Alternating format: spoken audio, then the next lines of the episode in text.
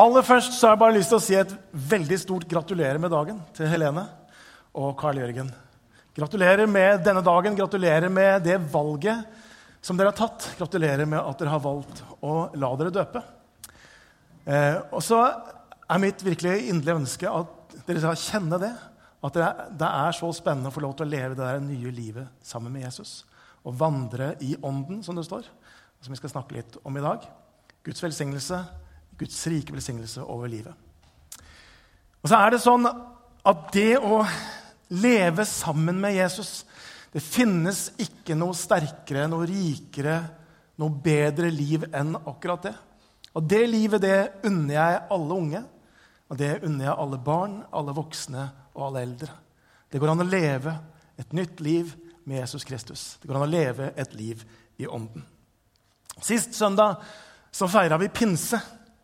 Vi feira det at Gud sendte Den hellige ånd over alle som tror. Og så sa jeg da noe om hvor sentralt pinse er i den kristne tro.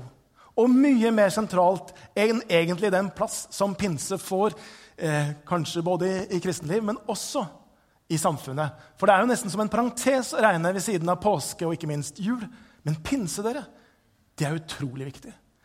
Eh, de gamle testamentlige profetene de så og lengta fram mot den dagen. Og så tenkte de en dag, en dag så skal det skje at Guds ånd utgytes over alt kjød.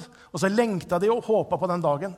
Og Jesus, når han har sin undervisning med disiplene, så bruker han mye tid til å snakke om Den hellige ånd. Og han ba dem om å vente til Den hellige ånd hadde kommet.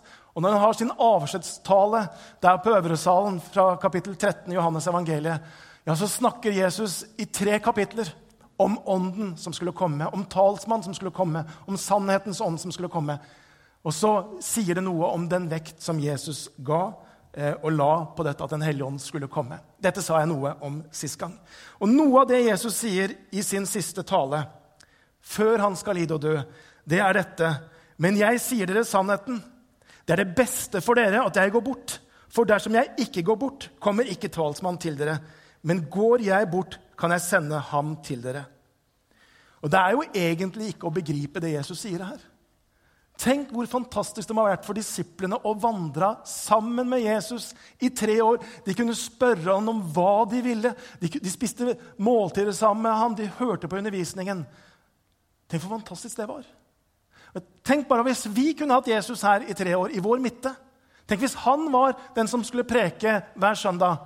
Det hadde vært noe. Ja, da tror jeg ikke jeg hadde sittet på VG-nett på mobilen under forkynnelsen. ikke sant? Da hadde vi fulgt med. Det hadde vært noe. Og det Jesus sier, er jo faktisk at det er det beste for dere at jeg går bort, for da kan jeg sende Den hellige ånd. Og så er ikke ånden bundet av tid og rom, sånn som Jesus var. Den hellige ånd kan være over oss, den kan være ved siden av oss, den kan være i oss. Og Derfor så er det som Jesus sier. Vi er faktisk mer heldige enn disiplene som vandra sammen med Jesus. Tenk på det. Det er hva pinsen er, det er hva pinsen betyr. Jeg tror at vi som lever i tiden etter pinse, vi har egentlig uvante muligheter til å få lov til å leve et liv i Ånden, få lov til å erfare Åndens nærvær i vår midte, få lov til å la oss lede av Den hellige ånd. Vi har uante muligheter. Og ofte så tror jeg vi bare beveger oss litt inn i det som Gud har for oss. Kanskje han overrasker oss. Kanskje han overrasker oss. For noen år siden så møtte jeg en etiopisk kirkeleder. Han het Ke Samato. Og Han var en slags biskop eller en distriktsforstander eh, med hovedansvar for et spesielt geografisk område i Etiopia. Og Han fortalte at hans distrikt, hans område, så hadde de de siste tiårene sett en enorm vekst. Det hele startet, sier han, i 1985. Med en av menighetene i hans distrikt hadde hatt en helt vanlig søndagsgudstjeneste, sånn som vi har nå. Da menigheten har hatt gudstjenesten og går ut av kirken, så står de militære oppmarsjert rundt kirken. Og så tar de pastoren, menighetslederne og to norske misjonærer eh, til fange, arresterer de, fører til politistasjonen, hvor de blir eh, avhørt i mange, mange timer. Og Så bestemmer disse myndighetspersonene seg for at eh, kirken skal rives, eh, at de skal forby evangelisk virksomhet på stedet, og så slipper de disse som ble tatt til fange, de slipper de fri. Og Pastor og menighetsledere de kommer til menigheten og så forteller de hva som har skjedd, og de forteller om hva myndighetene har sagt, og at nå blir det forbudt, og kirken skal rives. Og Så bestemmer de seg for å gå inn i bønn. Og De engasjerer seg, og mange i menigheten er med på å samles for å be. Og så ber de mange dager. Etter 14 dager i bønn så skjer det noe som ingen av de hadde drømt om. De hører en lyd. Som en torden, beskriver han det som. Og så faller Den hellige ånd over de som er samla der. Og så opplever de at noen begynner å tale tunger. Noen eh, profeterer. Noen blir liggende på gulvet, bare på en måte overmanna av Guds kraft. Og så har jeg lyst til å legge merke legge til at Dette er en kirke, et kirkesamfunn som er eh, planta av norsk-luthersk eh, misjonsarbeid. Så de har ganske nøktern forkynnelse om Den hellige ånd. Eh, og han er Kesemato han sa det at for oss var det fullstendig overraskende at Den hellige ånd kom på den måten der. De som er i landsbyen, de, de, har hørt lyden. De var ikke der, men de hørte lyden. De tror at kirken blir revet, så de strømmer til. Og så finner de kirken den er like hel, men det de finner, det er en menighet som er i, i full bevegelse. sånn som jeg sier. Og ut av dette så blir mange frelst. Eh, og evangeliet det brer seg ut i dette området her. Og de har en kraftig vekst i mange tiår. Så Tolv menigheter og 2000 medlemmer blir i løpet av noen tiår mange titalls menigheter eh, og 30 40 50 000 mennesker som har blitt vunnet for evangeliet i dette her. Og så sier denne kirkelederen som jeg møtte for noen år siden, han sier det at det skriftordet som liksom var det som han har blitt minnet om igjen og igjen og igjen i denne tiden her, det var det Jesus sier. Uten meg kan dere ingenting gjøre. Uten meg kan dere ingenting gjøre. Når Den hellige ånd kom på denne måten, så ble alt annerledes. Og så tenker jeg vi har noen ting. Det er et potensial her. Det er noen muligheter som ligger foran oss, både som enkeltpersoner og som mennesker som vi kan få lov til å gå inn i. Det er noen muligheter. Og I dag så har jeg lyst til å snakke noe om dette. Jeg har lyst til å si noe om hva Den hellige ånd gjør i våre liv. Og Jeg hadde egentlig fire punkter her. Det blir ikke fire punkter, eh, det blir to punkter. Vi hadde visst et menighetsmøte også. Så. Eh, men det blir eh, to punkter. Jeg har lyst til å snakke om Den hellige ånd som livgiver og Den hellige ånd som helliggjører. Og så får vi ta Hellige ånd som veileder og som kraftkilde. får vi ta senere. Men i hvert fall så er det temaet, Den hellige ånd som livgiver og helliggjører, det nye livet, et liv i ånden, er det jeg har lyst til å si noe om. Jeg tror vi skal be, og så ber vi at Den hellige ånd må åpenbare ordet for oss. Himmelske Far, jeg takker deg for at vi får lov til å være samla her på dette stedet. Jeg takker deg for at du har gitt oss Den hellige ånd, at den er utgitt over alle mennesker. Og så ber jeg om at Ånden må få lov til å tale inn i våre liv. At du må åpenbare ting for oss. Og så må du hjelpe oss eh, i våre liv og hjelpe oss til å ta skritt sammen med deg, Herre. Jeg ber om det. Amen. Det første jeg har lyst til å peke på, det er at Den hellige ånd er livgiveren. Det er Den hellige ånd som har denne kraften til å føde mennesker på ny. Det er Den hellige ånd som har dette i seg, som gjør at mennesker blir ført gjennom til et liv i Kristus, til et liv i Ånden. Eh, man kan eh, Man har god bruk for både kunnskap og argumenter og logikk og forståelse for å forsøke å på en måte rydde i hva er denne kristne tro. Men det der å på en måte bli en kristen, det å kjenne det at det var et nytt liv, ja, det sier Bibelen, det er et verk. Ikke som vi kan tenke oss fram til, men det er et verk av Den hellige ånd i våre liv. Det er Den hellige ånd som må føde oss på ny. Og Det er det svaret som Jesus gir til rådsmannen Nikodemus. Når han kommer til ham på natten og snakker med ham, og så sier Jesus, 'Du må bli født på ny', sier Jesus. Og så sier han, 'Sannelig, sannelig, jeg sier deg, den som ikke blir født av vann og ånd, kan ikke komme inn i Guds rike.' Den nye fødsel, det er et verk av Den hellige ånd. Det er ikke vi som kan på en måte få det til på egen hånd. Det er noe som gjøres med oss. Og dåpen, sånn som vi har vært vitne til i dag, den vitner jo om akkurat det. Den vitner om dette nye livet. Den vitner om eh, hvordan Den hellige ånd gjør et verk i oss. For når vi åpner oss opp når vi åpner oss opp for Gud, når vi legger ned garden, når vi sier 'Her er jeg. Må du, må du, ta meg sånn som jeg er, Herre. Jeg trenger deg.' Når vi åpner opp, ja, så skjer det noe i oss. Da skjer det et verk i oss. Eh, kanskje det viktigste stedet, eh, dåpsstedet, i hvert fall et av de viktige, er dette fra Romerbrevet 6, 3-4, hvor det står Eller vet dere ikke at alle som ble døpt til Kristus Jesus, ble døpt til hans død? Vi ble begravet med han da vi ble døpt med denne dåp til døden. Og som Kristus ble reist opp fra de døde ved sin fars herlighet, skal også vi vandre i et nytt liv. Idet vi sier ja til Jesus, så dør vi, sier Skriften, bort ifra de tre s-ene selve, synden og Satan. Vi dør bort ifra alt det. Og så er det det dåpen viser. Når dåpskandidaten går ned her i dåpsgraven, dåpsgraven, så er det en begravelse. Vannspeilet lukker seg over hodet på den som eh, blir døpt. Man er død fra denne verden. Og så reises man opp til et nytt liv sammen med Jesus Kristus. Og som det står, er vi døde med Kristus, tror vi at vi også skal leve med ham. Dåpen vitner om dette. I oldkirkelig tradisjon så var det sånn at de som skulle bli døpt, de tok av seg de gamle klærne før de gikk ned i dåpens grav. Ja, de døpte seg nakne. Eh, og så var det skilt mellom gutter og jenter av praktiske grunner. Hvorfor det? Jo, fordi man avkledde seg det gamle. Og når man kom opp av dåpens grav, så ble man ikledd hvite klær for å symbolisere, tydeliggjøre at det er et nytt liv som stiger opp av dåpen. Og så fikk man lov til å gå med de hvite klærne en hel uke som et vitnesbyrd for alle at det var et nytt fødsel som hadde skjedd.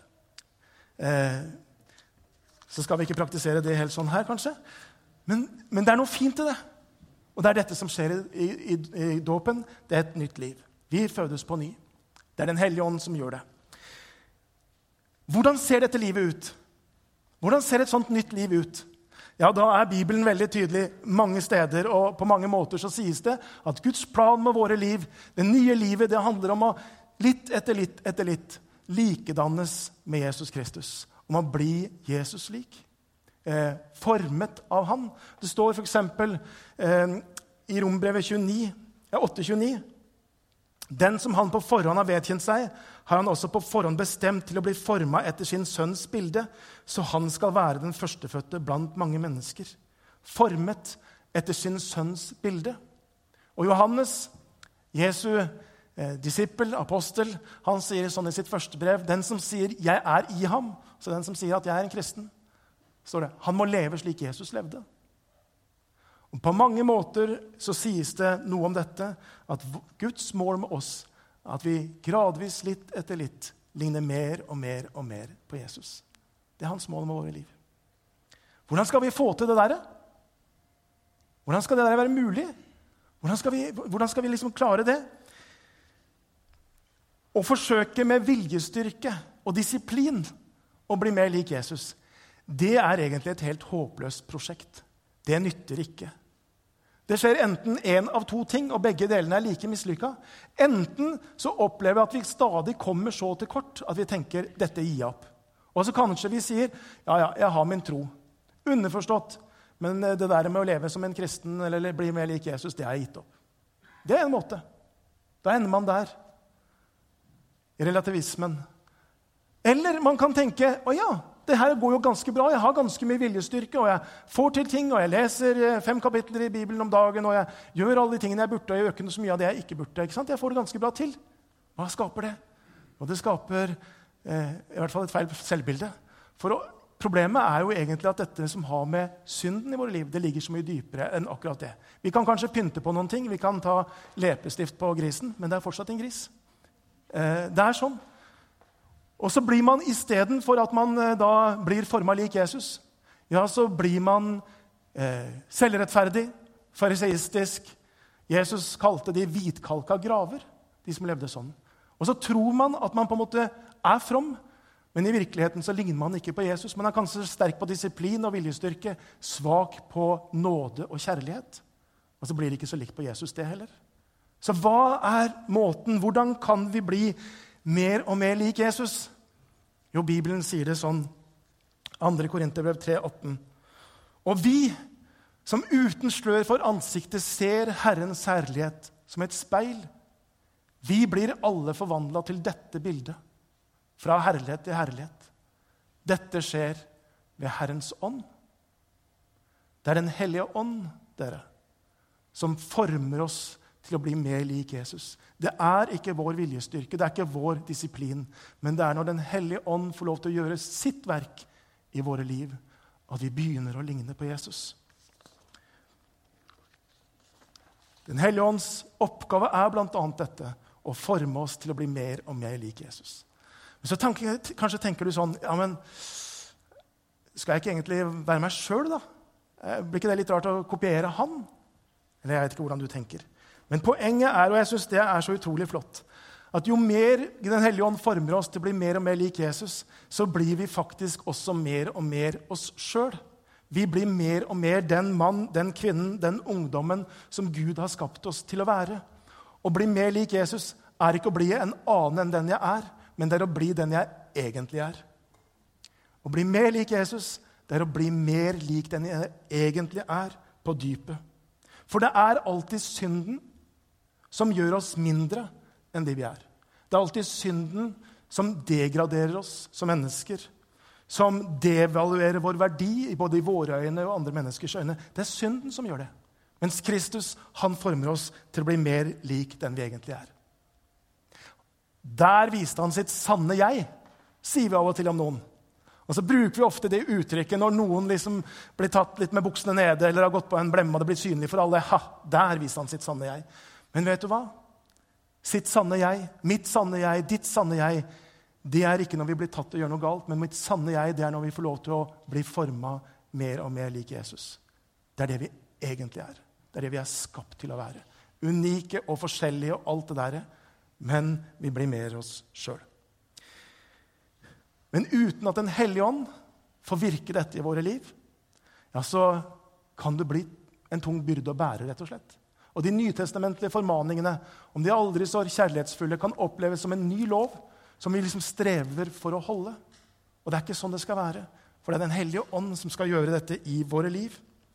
Uten Den hellige ånd så blir det gode spørsmålet What would Jesus do? som mange har på sånne armbånd, det spørsmålet blir en type ny loviskhet å følge. For vi klarer ikke å gjøre det som er svaret på det spørsmålet. Hva vil Jesus ha gjort? Vi klarer ikke å gjøre det i egen kraft. Vi klarer bare det hvis vi lar Den hellige ånd få lov til å prege våre liv og fylle oss. Bare da kan vi gjøre det. Esekiel, I Esekiel så sier Gud noen ting. Han sier følgende.: Jeg gir dere et nytt hjerte og en ny ånd gir jeg inni dere. Jeg tar steinhjertet ut av kroppen deres og gir dere et kjøtthjerte isteden. Jeg gir dere min ånd inni dere, så dere følger forskriftene mine og holder lovene og lever etter de. Sånn at loven ikke er noe der ute som vi strever etter å liksom oppfylle, men at loven, den lever herfra. Og Det er det eh, Gud gjør når han gir oss Den hellige ånd. To sitater Eh, en kommentator som heter Boyce, han sier det sånn Å leve ved Ånden er ikke lovtrelldom og moralisme. Det er heller ikke syndenes tillatelse og relativisme. Det er heller ikke noe midt imellom. Det er et liv i tro og kjærlighet som er noe helt annet enn begge disse to falske veiene. Det handler ikke om å liksom, forsøke krampaktig å leve opp til en lov. Det, forsøker, det handler ikke om å, å, gi opp det og tenke samme av det hvordan jeg lever. Jeg har min tro. Det handler ikke om noe av det og ikke noe midt imellom. Men det er noe som er totalt annerledes. Det er et annet liv i tro og kjærlighet ved Den hellige ånd. Og Peter Haldorf han sier det sånn Derfor handler forvandlingen aldri om å løfte seg selv etter håret og gjøre ytterligere anstrengelser for å bli et bedre menneske. Det handler om å våge spranget og la seg føre av åndens vind og trekke inn i den guddommelige dansen. Med Augustin hører vi Gud si, 'Jeg skal ikke forandre deg, men du skal forvandles i meg.' Du skal forvandles i meg.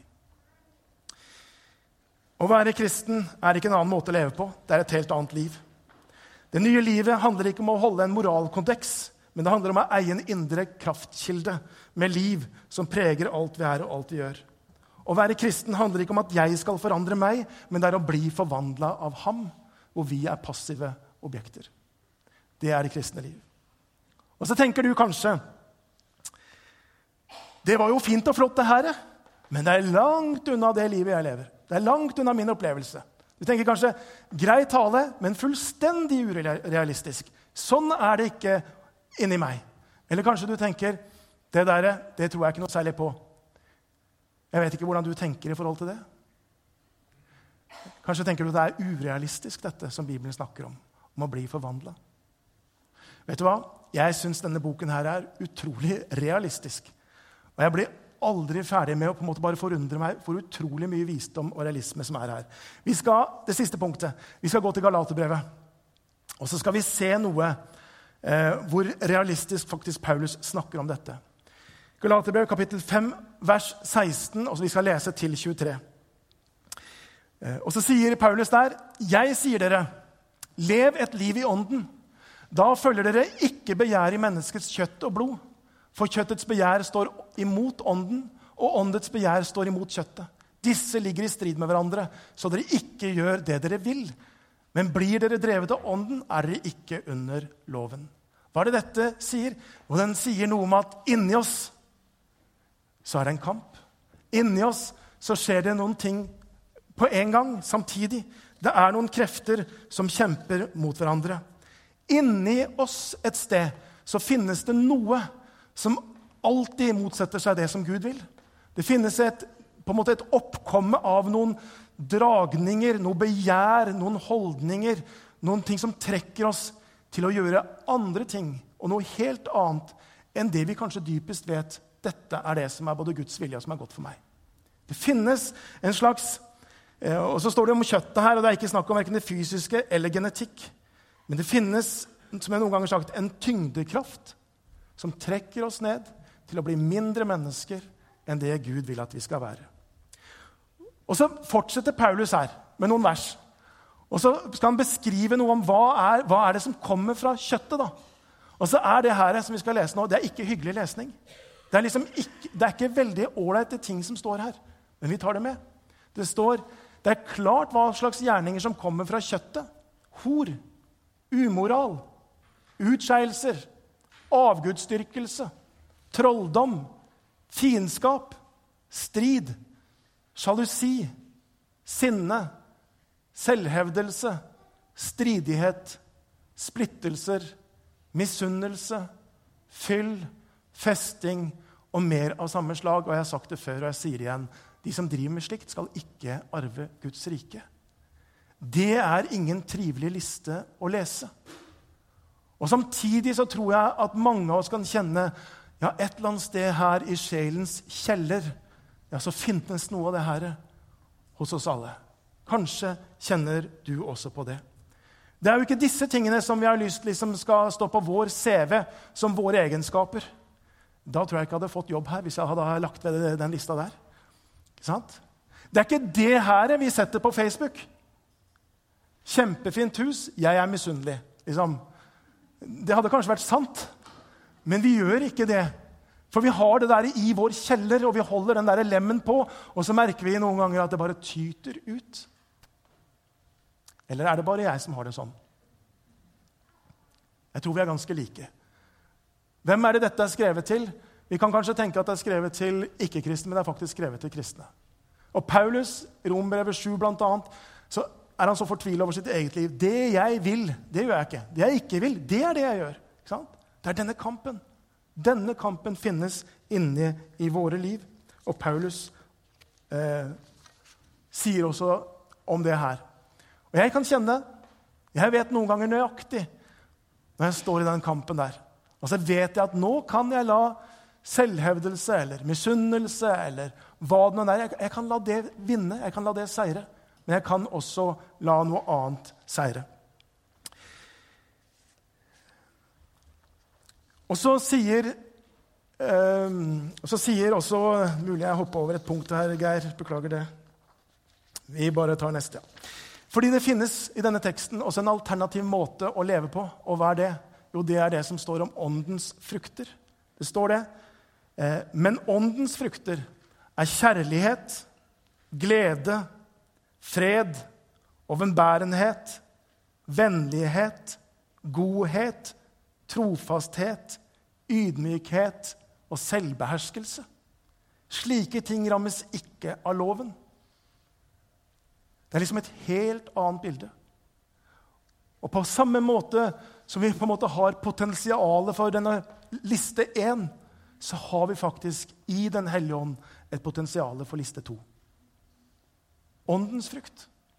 Det står om Den første lista den er kalt 'kjødets gjerninger'. Og hvorfor det? Jo, fordi de tingene der de klarer vi å gjøre egentlig av oss sjøl. Men åndens frukt det er noe annet. Det er ikke noe vi egentlig klarer å gjøre sjøl. Men det er bare når Den hellige ånd får lov til å prege oss, ja, så spirer disse andre tingene fram av seg sjøl. Det er litt sånn, Paulus snakker her om to motsatte måter å leve på. To alternative måter. Enten så følger en begjæret i menneskets natur, eller så lar han seg lede av Den hellige ånd. Og Det er som en enveiskjørt gate. Trafikken kan ikke gå begge veier på en gang. Den går enten den ene veien eller den andre veien. Og Det er på en måte den kampen der som Paulus sier at vi står i.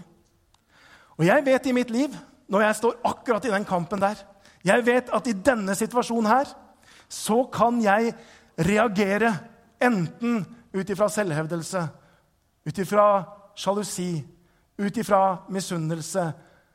Ikke sant? Eller jeg kan åpne meg opp, invitere Jesus, inviterer Den hellige ånd inn i denne situasjonen, og så blir det annerledes. Jeg vet, kanskje ikke hver gang, men mange ganger når jeg står akkurat i de valgene der, og jeg vet hvordan jeg skal reagere. Det Gud ønsker, det er at jeg skal ta den veien hvor jeg lar Den hellige ånd få lov til å prege mitt liv.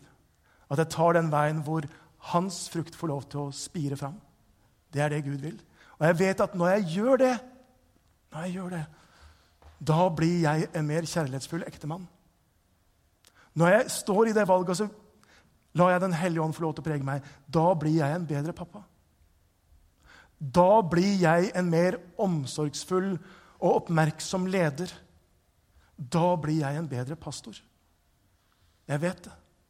Og så ønsker jeg det. Jeg ønsker å stå i de situasjonene med mitt liv, og så åpner jeg meg opp for det Gud har, for det Jesus ønsker, og for at Den hellige ånd skal få lov til å virke inn i mitt liv. Det er en professor i Det nye testamentet som heter Oris Braswell. og Han sa noe en klasse, en time. For Han sier at veldig mange kristne Han underviste om Galaterbrevet. Mange snur opp ned på disse tingene. For de tror at om de skal leve et liv i ånden, så må de først legge av seg på en måte kjøttets gjerninger og kjøttets begjær. Men han sier det er ikke det Paulus sier. Han sier, 'Lev et liv i ånden'. Da følger dere ikke begjær i menneskets kjøtt og blod. Det handler ikke om å få orden på alt det som finnes i kjelleren, men det handler først om å la seg lede av Ånden og leve i Ånden. Ja, og så er det på en måte det som får forkjørsvei i denne enveiskjøringa. Først det. Lev et liv i Ånden. Da følger dere ikke begjæret i menneskets kjøtt og blod. I stad så ba vi for konfirmantene her. Og noe av det som vi ba om, det var at de skulle få lov til å leve det nye livet i Kristus. Vi ba om at de skulle få lov til å bli leda av Ånden. Vi ba om at Jesus skulle eh, forme dem til å bli lik Kristus. Det var noe av det vi ba om. Er det en bønn som du istemmer? Ja, det nikkes. Hvorfor det? Jo, for vi vet noe om at det beste liv det går an å ha, det er når Den hellige ånd får lov til å gjøre dette verket i oss. Kan du være med på å be dette over ditt eget liv? Kan du være med å be om nettopp dette over ditt eget liv? At du kan få lov til å leve det nye livet i Kristus. At du kan få lov til å leve et liv hvor du opplever og erfarer åndens kraft og fylde i ditt liv. At du kan leve et liv hvor du formes til det bildet som Den hellige ånd vil forme deg til Jesu bilde. Kan du være med å be bønnen 'Kom, Hellige Ånd, inn i mitt liv'? Vi reiser oss opp, og så står vi her innenfor Guds ansikt. Og så er det muligheter til å skrive bønnelapper, til å tenne lys i globen, til å gå i bønnerommet. Du kan komme fram her, så vil jeg be for deg. Men det er denne bønnen jeg har lyst til at du skal be innenfor Gud. At du kan be at Den hellige ånd må komme inn i ditt liv og forme deg til sitt bilde. Skal vi være i bønn. Kjære Jesus Kristus. Kjære Jesus Kristus, jeg ber. Du kjenner oss, du ser oss. Du vet om oss, du vet om den kampen som vi står i.